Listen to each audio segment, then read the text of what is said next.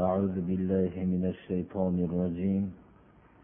بسم الله الرحمن الرحيم. ومن أظلم ممن منع مساجد الله أن يذكر فيها اسمه وسعى في خرابها أولئك ما كان لهم أن يدخلوها إلا خائفين. لهم في الدنيا خزي ولهم في الآخرة عذاب عظيم صدق الله العظيم qur'oni karimdan davom etayotgan darsimizni inshaalloh davom ettiramiz bu oyat kalima yuqoridagi oyatlarga bog'lanishligi mana kechagi kunda aytib o'tdik yahudiy nasorolar musulmonlarni qibladan baytul muqaddasdan ya'ni kabai muazzamaga burilib alloh subhanahu va taoloning buyrug'ini bajarganliklari bilan ayblab ularning aqidalarida shubha paydo qilishlikka harakat qilishganligini aytib o'tdik. Bular baytul muqaddas haqiqiy qibla bo'lsa hozir sizlar kabaga burilib xato qildinglar deyishardi. Agar baytul muqaddasga qarab namoz o'qishinglar noto'g'ri bo'lgan bo'lsa namoziylar o'tgan vaqtda shu tarafga qarab o'qigan namoziylar botil bo'lgan deb aqidaning aslini shubhalantirishlikda bular shunday nayrang qilishganligini aytgan edik. Shu bilan ular ollohning masjidlaridan odamlarning to'sishlikka harakat qilishardi. Ollohning masjidlarida ollohning nomini zikr qilinishligini yo'lini to'sishlikka harakat qilishgan edi. Alloh subhanahu va taolo bularni zolimlar deb atadi balki eng zolimlarning birinchi safida turgan kishilar deb atadi. Mana shu bilan biz o'zimizga xulosa ajratib olsak bo'ladiki ollohning masjidlarini vayron qilib odamlarni masjiddan man qilgan davrlarni bizning musulmon xalqlari bosib o'tishdilar. Undan keyin agarchi masjidlarni vayron qilmasa ham zimdan fitnalar uyushtirib masjidlardan odamlarning chiqishliklariga sabab bo'lib dinsiz bo'lishliklariga sabab bo'ladigan ma'naviy tarafdan hujum qilgan odamlar bosqichlari hozirgacha mana davom etib kelgan birodarlar. Undan tashqari yana ba'zi nayrang yo'llari bilan ollohning masjidida ollohning nomini zikr qilinib bu yerdan to'sishlikka harakat qilishlikdan ham ehtiyot bo'lmoqligimiz kerak. Alloh subhanahu va taolo mana bu oyatda ollohning masjidlarida ollohning nomini zikr qilinishligini yo'lini to'sayotgan odamdan ko'ra ham zolimroq odam kim deb savol qilyapti.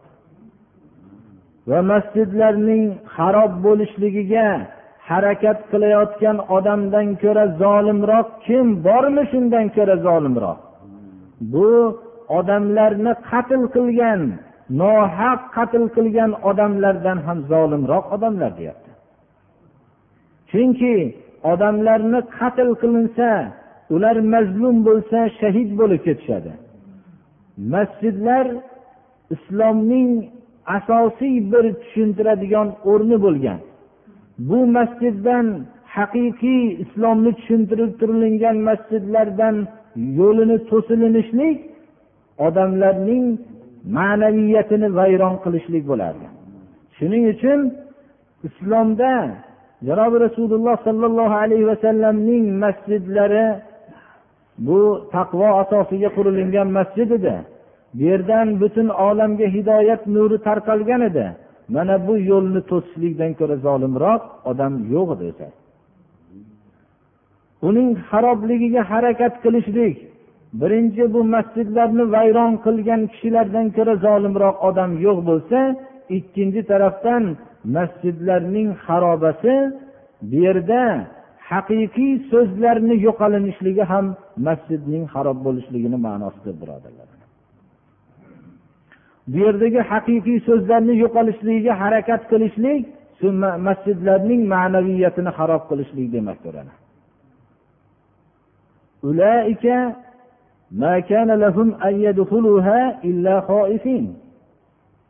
bu masjidlardan ollohni zikrini ollohni nomini zikr qilinishlikdan to'sayotgan odamlar masjidlarning xarob bo'lishligiga harakat qilayotgan odamlar o'zi masjidlarga qo'rqqan holatdagina kirmoqliklari kerak edi.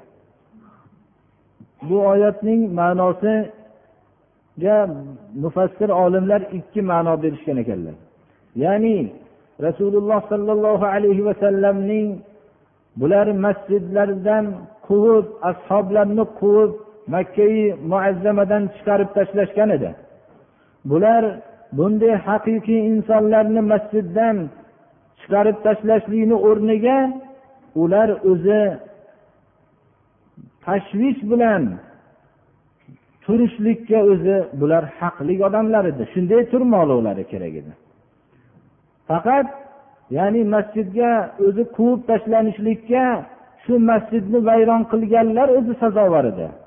Bular mana shu odamlar o'zi masjidga kirgan vaqtlarida ham amonlik istab shu yerda saqlanib qolishlikdan boshqa suratda kirishlari mumkin emas edi. Fathi makka yilida rasululloh sollallohu alayhi vasallamning jarchilari jar qildiki fathi makka ya'ni makka muazzama fath qilinganda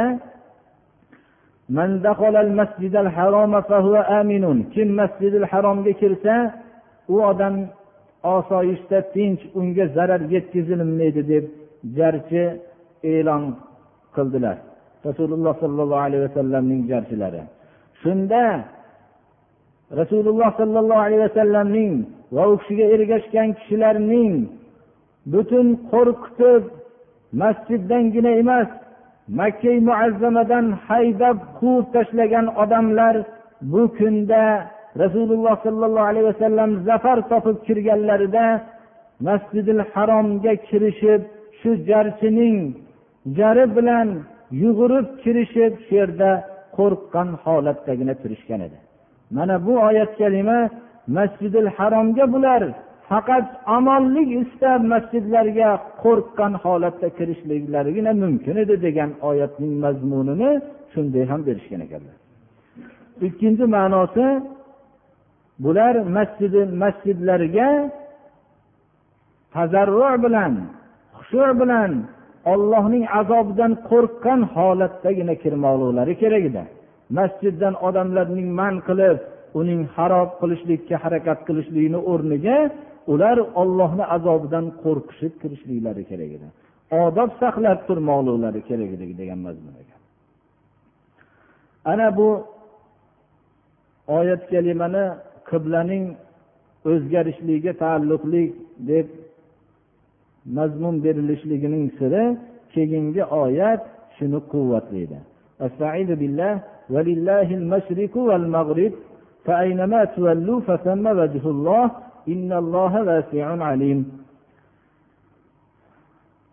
mashriq bilan mag'rib ollohning mulkidir. Ollohni o'zigagina xosdir.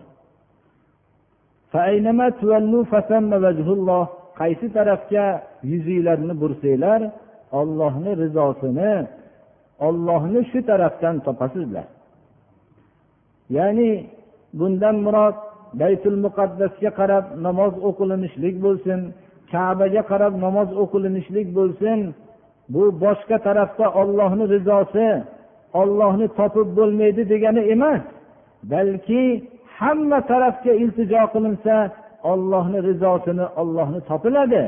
Lekin masjidil masjidil harom ya'ni kabai muazzamaga qarab namoz o'qishligimiz ollohni buyrug'i bo'lganligi uchun burilamiz.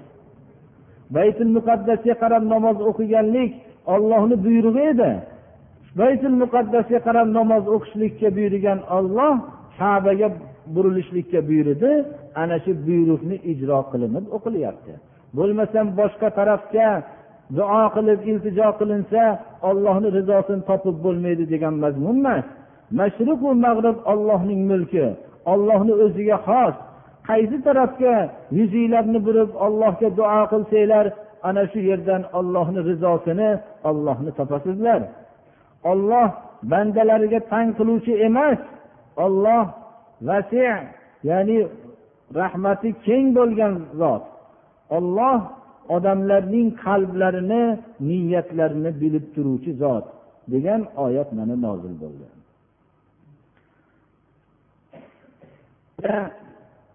Mana oyatlarda juda ko'p payg'ambarimiz sollallohu alayhi vasallamning davridagi fitnalarning ko'payganligini juda ham bir shu oyatlardan biz bilib olsak bo'ladi birodarlar. Ilgari fitna yo'q edi endi fitna ko'payib ketyapti degan xulosa fikrlar paydo bo'lmasin sizlarda ham. Fitna qachonki haqiqiy islom vujudga kelishligi bilan fitna ham o'rnidan turadi birodarlar. Fitna haqiqiy islomning tik turishligiga toqat qila olmaydi. Soxta islom yursa fitna bemalol uyquda yotaveradi chunki hayotdagi juda ko'p odamlarning iymon islomlari soxtalik asosiga qurilgan bo'ladi. Bular haqiqiy islomning o'rnidan turganligini ko'rgandan keyin ular hatto dinsizlar bilan ham birlashaveradiyu haqiqiy islomdagi kishilar bilan birlashishlik aloqasi uzila boshlaydi birodarlar. Shuning uchun hayolga ba'zi vaqtlarda shunday fikrlar paydo bo'lmasinki mana bu oyatlardan tushunib olsak bo'laveradi. Har bir daqiqada mana kabada juda osoyishta yashashardi. Hamma tinch edi lekin hech qanday din ham yo'q edi u yerda. Payg'ambarimiz sollallohu alayhi vasallam haqiqiy islomni olib kelgandan keyin fitna o'rnidan turdi. Hamma taraf fitna bo'lib ketdi ana lekin haqiqat baribir g'alaba qilib haqiqiy musulmonlar zohirda makkadan quvilib chiqib ketganga o'xshagan bilan mana fathi makka zafar hammasi qoldi. Fitnalar hammasi la'natlar bilan qoldi. Haqiqatli kishilar doim ularga rahmatlar aytilinib qoldi shu vaqtgacha buni buyog'ida ham qiyomatgacha ularning haqqiga rahmatlar aytilib qolaveradi alloh taolo hammamizni to'g'ri yo'lga boshlasin اهدنا الصراط المستقيم صراط الذين أنعمت عليهم غير المغضوب عليهم ولا الضالين آمين alloh subhanahu va taolo mana bu hozirgi oyatdagiga o'xshagan haqiqiy masjidlardan qilsin Bu masjidga haqiqiy holatni o'zi vujudga keltirib bersin. Bunga qarshi bo'layotgan kishilarga olloh o'zi insof tavfiq bersin. Va agar shuni xohlashmasalar olloh o'zi kifoya qilsin. Qiyomatgacha o'ziga omonat bu yerda har qanday fitna uyushtirmoqchi bo'lgan kishilarga o'zi olloh o'zi kifoya qilsin. Meni to'g'ri yo'lga boshlasin boshqalarni ham بالله من الشيطان الرجيم وقالوا اتخذ الله ولدا سبحانه بل له ما في السماوات والأرض كل له قانتون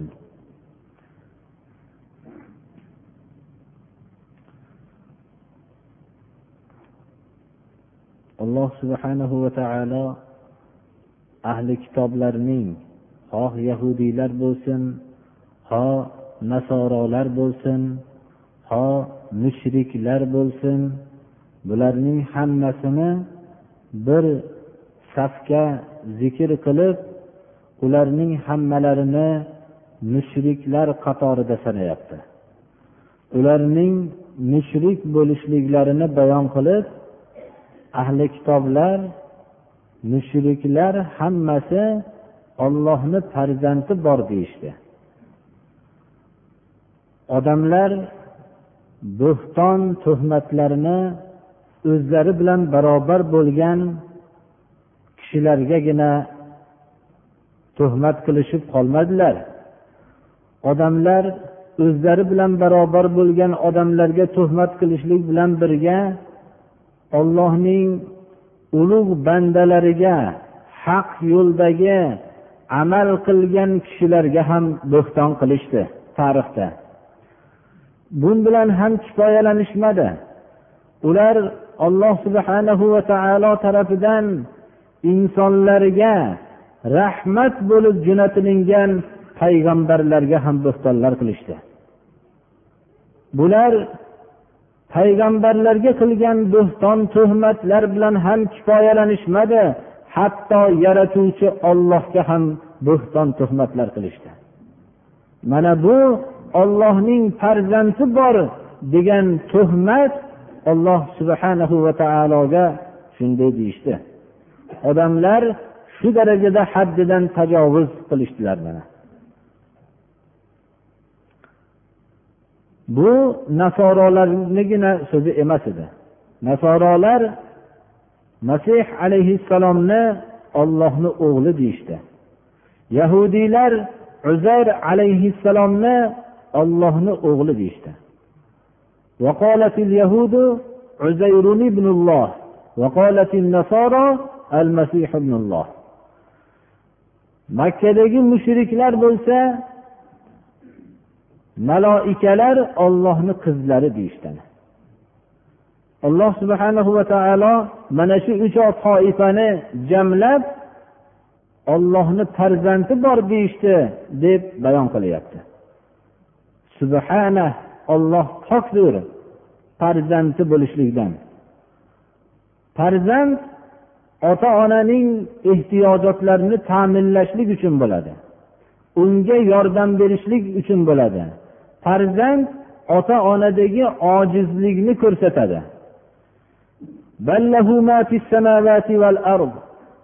Balki alloh subhanahu va taologa koinotu yerdagi hamma narsalarning egadorligi ollohni o'zigagina xos. Hamma mavjudot ollohga bo'ysunib sig'inib ibodat qiluvchidir. Odamlar o'zlari alloh subhanahu va taolo tarafidan payg'ambarlar vositasi bilan ko'rsatilingan yo'lga asosan ibodat qilib sig'inishadilar. Boshqa mavjudot alloh subhanahu va taolo o'zi vahiy qilgan o'zi bildirgan uslubda ollohning olamdagi qonuniyatidan zarracha tashqariga chiqmasdan ollohga sig'inishadilar. Sig'inish kayfiyati bizga ma'lum emas. استعيذ بالله وإن من شيء إلا يسبح بحمده ولكن لا تفقهون تسبيحهم إنه كان حليما غفورا olamda qaysi bir narsa bo'lsa alloh subhanahu va taologa tasbih aytib poklab turadi lekin ularning tasbihini sizlar tushunmaysizlar deyapti bilmaysizlar tasbih aytishlik kayfiyati alloh subhanahu va taoloning o'ziga xos bo'lgan ilmdir mana بديع السماوات والأرض وإذا قضى أمرا فإنما يقول له كن فيكون koinotu yerni ajib qilib yaratuvchidir agar bir ishni hal qilmoqchi bo'lsa bo'l deydi shu narsa bo'ladi shu vaqtda ollohni irodasi bir narsaga taalluq topishlik bilan shu vaqtda ollohning irodasiga muvofiq vujudga keladi.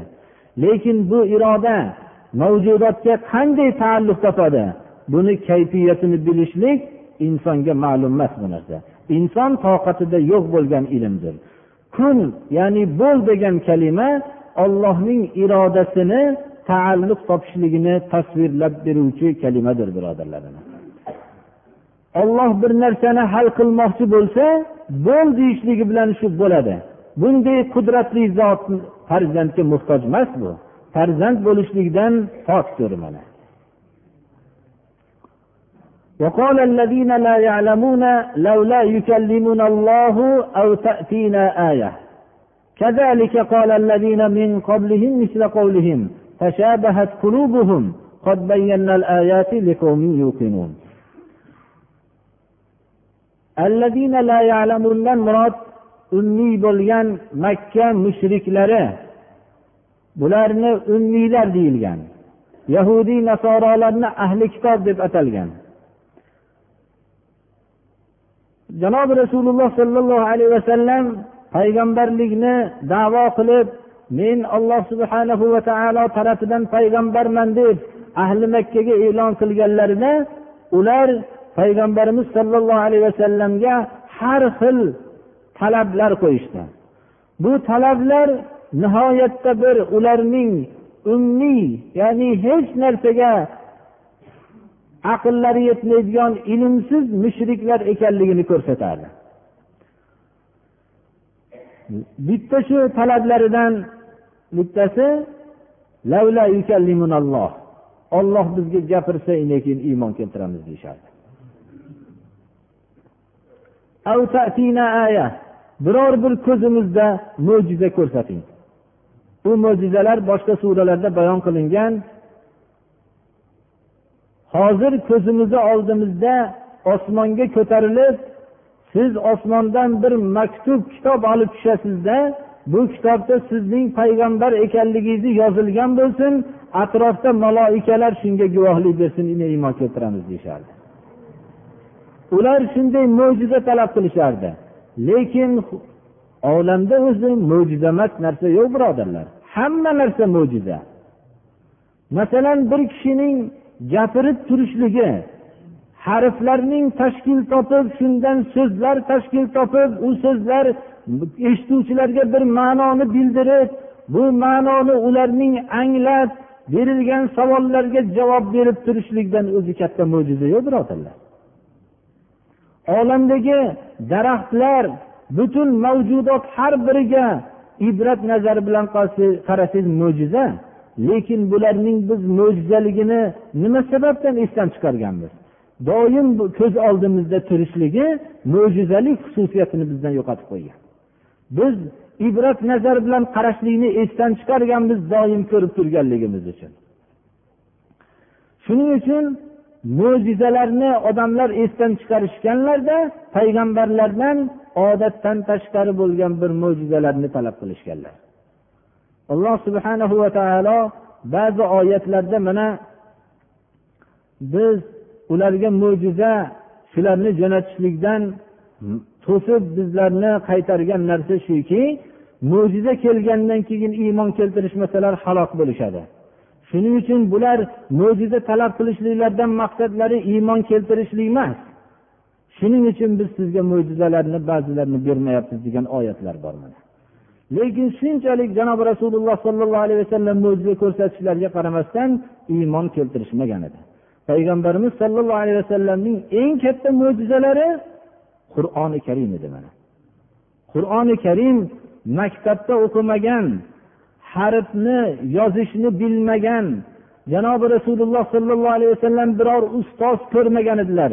Butun olamdagi qonuniyatni ifodalovchi va qaysi qanday yashashsa odamlar dunyo va oxirat saodatiga erishuvchi yo'lni olib kelishliklari bu haqiqiy mo'jiza edi mana. Ular doim bir shunday behayolarcha beadab beadabona shunday mo'jizalarni talab qilishardi. Janobi rasululloh sollallohu alayhi vasallam bu talablarga g'amgin bo'lardilar. Mo'jiza olib kelishlik u kishining ixtiyorida emas edi. Alloh subhanahu va taolo tarafidan kelgan mo'jizani ko'rsatardilar. Shunda g'amgin bo'lgan vaqtlarida mana bu oyat u kishiga tasalli berardiki siz bularning talablariga noto'g'ri talablarga g'amgin bo'lmang.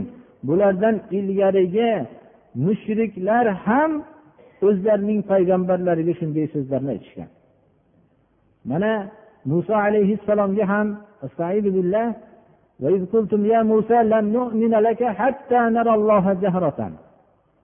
muso alayhissalomga ham bani isroil aytgan edi biz ollohni oshkor ko'rsagina iymon keltiramiz deyishardi. Ularning qalblari nihoyatda bir biriga o'xshash. Avvali islomdagi mushriklar bilan hozirgacha bo'lgan mushriklarning qalblari hammasi o'xshash. Mushriklarning ko'rinishlari ularning ba'zi harakatlari farq qilsa ham asli bir xil ularning qalblari bir xil. Ollohga sharik isbot qilishlikda bir xil. Ularning qalblari bir biriga nihoyatda o'xshash. Bunga g'amgin bo'lmang. Mo'jizalarni biz bayon qilganmiz. Ilmi yaqin hosil qilgan odamlarga. Mo'jizalar olamda yo'q emas ko'p mo'jizalar. Lekin buning mo'jizaligini bilishlik uchun ilmi yaqin iymon ko'zi bilan qaralmoqligi kerak. Agar iymon ibrat ko'zi bilan yaqin ilm bilan olamga nazar tashlasangiz mo'jizaemas narsani ko'rmaysiz. Hamma olam mo'jizani tashkil qilgan buning uchun ularningga mo'jiza yetishmayotgani yo'q. Mo'jiza nihoyatda yetarli lekin unga ilmi yaqin iymon bo'lmoqligi kerak mana qur'oni karimning avvalida bu qur'oni karim hidoyat kimga xudodan qo'rqqanlarga? qur'oni karim hammaga hidoyat bo'lmaydi ollohdan qo'rqqan kishilarga ilmi yaqin hosil qilganlarga iymon bilan o'qiganlargagina qur'oni karim hidoyat bo'ladi اهدنا الصراط المستقيم صراط الذين أنعمت عليهم غير المغضوب عليهم ولا الضالين mana shu hozirgi oyatdan hammamizga ma'lum bo'lishligi kerakki har xil bo'xtonlarga tuhmatlarga g'amgin bo'lmasligimiz kerak odamlarni tuhmatlardan olloh ham qutulgan emas ollohga ham tuhmat qilishgan bizlar kim bo'lib qolibmiz ana shuning uchun g'amgin bo'lmaslik kerak odamlar اللهم إنا نسألك العفو والعافية في الدين والدنيا والآخرة الله أكبر آمين الله تعالى bizdan to'g'ri yo'lga almashlasin to'g'ri yo'lga allohu akbar بالله من الشيطان الرجيم. بسم الله الرحمن الرحيم. إنا أرسلناك بالحق بشيرا ونذيرا ولا تسأل عن أصحاب الجحيم.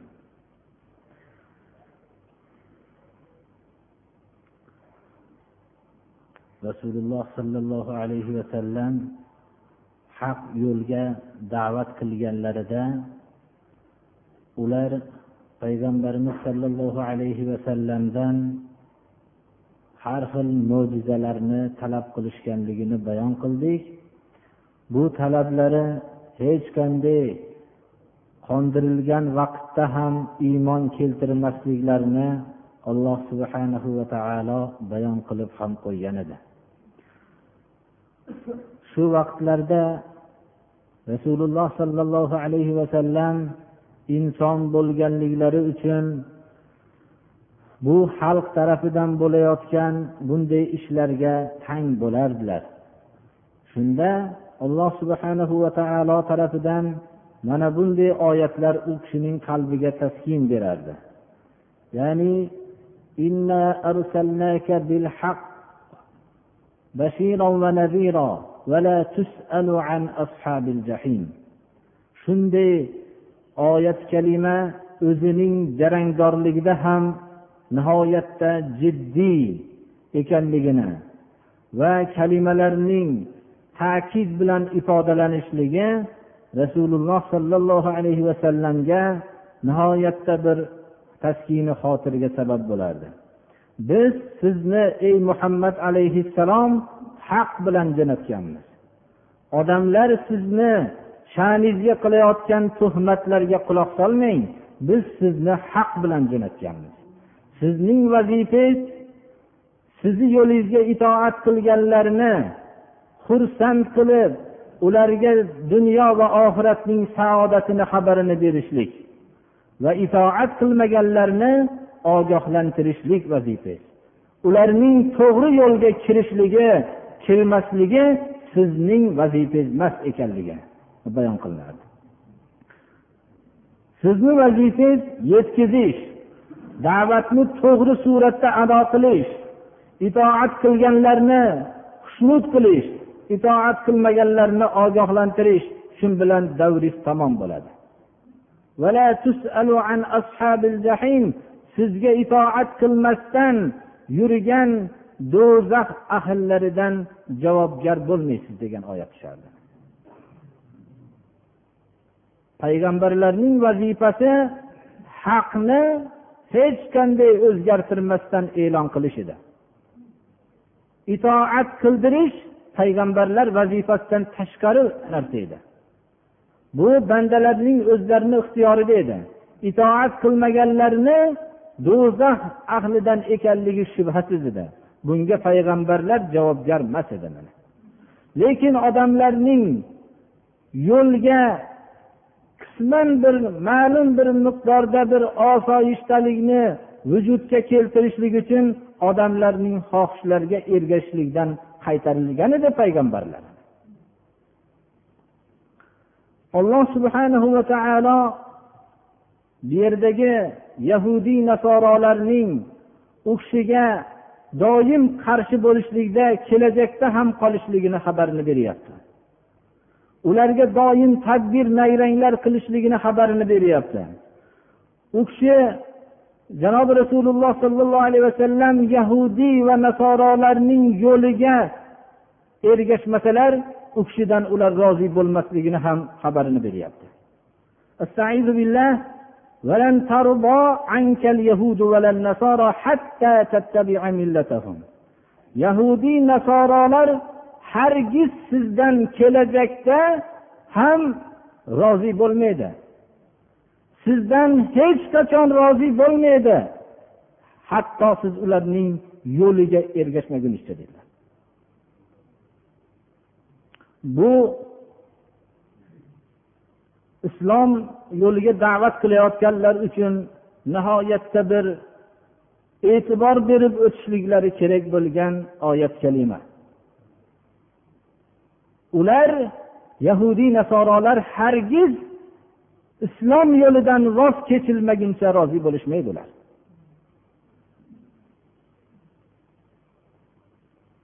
Qul innahudallohi huval huda.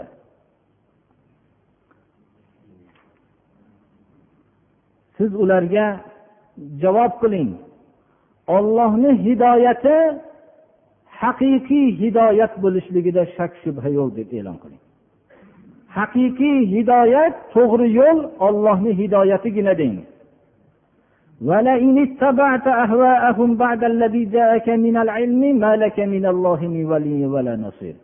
Agar siz ularning xohishlariga sizga aniq haqiqatni ifodalovchi ilm kelgandan keyin ergashsangiz ular bilan kelishishlik uchun ollohdan boshqa sizga do'stu yordamchi qolmaydi. Ya'ni sizga olloh tarafidan do'st yordamchi bo'lmaydi agar ularning xohishiga ergashsangiz degan oyat nozil bo'ldi ana payg'ambarimiz sollallohu alayhi vasallam qanday da'vat qilganliklarini mana shu oyat bizga tushuntiradi. Demak islom yo'li bitta yo'l. U yo'ldan boshqa haqiqat bo'lishligi mumkin emas. Bu haqiqat yo'lidan siljish odamlarning xohishiga ko'chishdan boshqa narsa emas. Bu vaizni qarangki payg'ambarimiz sollallohu alayhi vasallamga ularning xohishiga ergashsangiz sizga aniq ilm kelgandan keyin endi olloh tarafidan sizga do'stu yordamchi qolmaydi endi sizdan ollohni aloqasi uziladi degan so'zni butun olamga rahmat qilib jo'natilingan zotga aytilinishligi boshqa odam o'zi islom tarafidan bilgan haqiqatda qanchalik mahkam turishligini shu narsa aytadi birodarlar. Rasululloh sollallohu alayhi vasallamga shunday qattiq so'z aytilingan bo'lsa boshqa odam islom tarafidan bo'lgan haqiqatdan odamlarning xohishiga ko'chib turib agar shu xohishni bajarar ekan olloh undan madadini uzadida u butun endi sharmanda bo'ladi u odam. Bo'lib ham bu yerda muhotabning mufrat kelishligida yana bir sir bo'lsa kerakki rahbariyat agar bir jamoaning rahbari haqiqatdan siljish bilan u jamoada hech qanday fayz qolmaydi birodarlar. Nimaga? Chunki islomni ko'rsatmasidan chiqishlik bilan boshqalar hammasi izdan chiqib ketadi. Shuning uchun rahbariyat egasiga bo'lgan qattiq so'z eng butun olamning ustozi bo'lgan rahbari bo'lgan janobi rasululloh sollallohu alayhi vasallamga olloh tarafidan shunday qattiq so'z aytilgan va shu bilan birga kelishish sohasidagi masala ham bizga bayon bo'lyaptiki kelishish odamlarning xohishi bilan bo'lmasligi kerak. Islomning hukmlaridan siljish bilan bo'lmasligi kerak. Kelishish ollohning kitobi rasululloh sollallohu alayhi vasallamning sunnatlari asosidagina bo'lgan kelishish foyda qiladi. Odamlarning xohishi bilan bo'lgan kelishishlik olloh tarafidan bizdan madadni uzib qo'yadi birodarlar ana bu yerda yahudlar nasorolar hatto ularning yo'liga ergashmagunicha sizdan rozi bo'lmaydi deyapti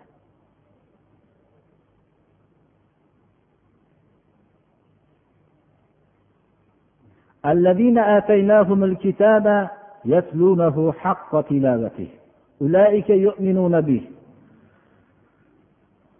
kitob biz bergan zotlar deyapti alloh taolo ya'ni ilm bergan zotlar havodan o'zlarini jido qilishib kitobni tilovat qilishsalar bular haqiqiy tilovat qiladigan kishilar.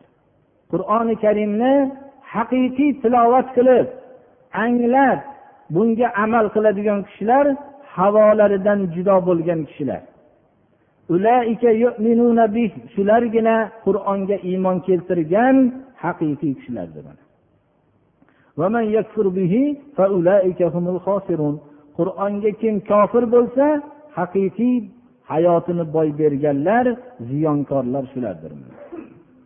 Iymon sifatidan keyin haqiqatni eshitib haqni bilib turib haqni boy bergan odamlardan ko'ra ziyonkor odamlar yo'q birodarlar. Bir marta iymon lazzatini tatigandan keyin haqni eshitgandan keyin bundan siljib qolgan odamlardan ko'ra ziyonkor odamlar yo'q. Qiyomat kuni haqni eshitmagan odamlaru bir qator uzrlarni aytishlari mumkin. Agarchi qiyomat kunida bu uzrlari bayon bo'lmasa ham o'rniga o'tmasa ham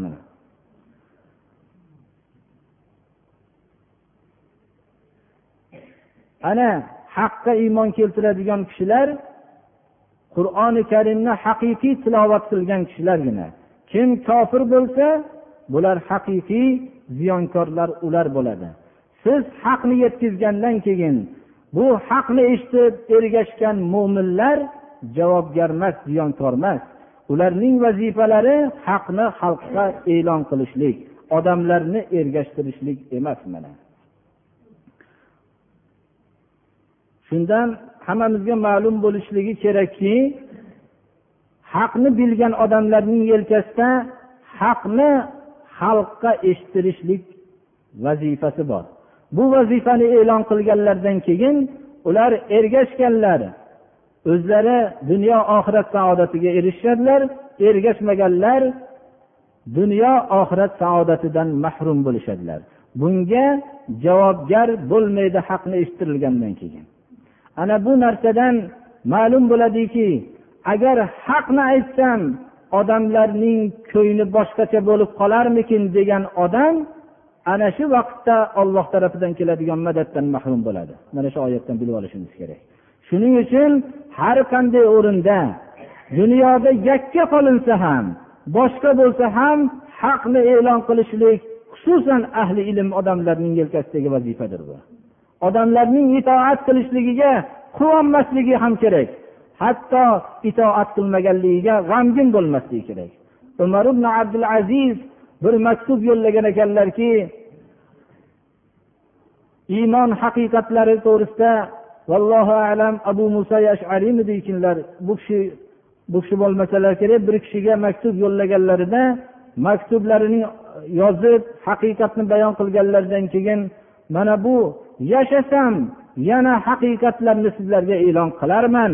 Bo'lmasam yashamasam sizlar bilan suhbatdosh bo'lishlikka haris ham emasman degan ekanlar. Ya'ni da'vat qiluvchi odam shunday bo'lishlik kerakki odamlarning itoatiga quvonmaydigan bo'lishlik kerak. Hatto odamlarning bosh tortib ketishligiga g'amgin bo'lmaydigan bo'lishi kerak. Mana shu ikkov imtihonda bir xil holatda tura olgan odam haqiqiy o'zini vazifasini to'g'ri o'tayotgan odam deb hisoblanadi. Payg'ambarlar ana shunday bo'lishganlar. Lekin insoniylik bir tuyg'usi bilan ba'zi bir vaqtlarda g'amgin bo'lganlarida alloh subhana va taolo tarafidan yo'llanmalar kelardi. Mana bu yo'llanmalar islom millatining qo'lida boy bir juda ham ulkan meros bo'lib qoldi birodarlar. Mana shu meros bizga qur'oni karim. Qachonki ba'zi holatlarda g'amgin bo'lganda qur'on yo'llanmalari bilan biz ana shunday xotiramizni osoyishta qilib olishimiz kerak alloh subhanahu va taolo qur'on yo'llanmalariga hammamizni amal qilishlikka alloh tavfiq bersin. Bizlar ham yelkamizdagi hammamiz vazifamizni o'zimizni oilalarimizda atroflarimizda har bir joyga yetkazishlikka alloh tavfiq bersin.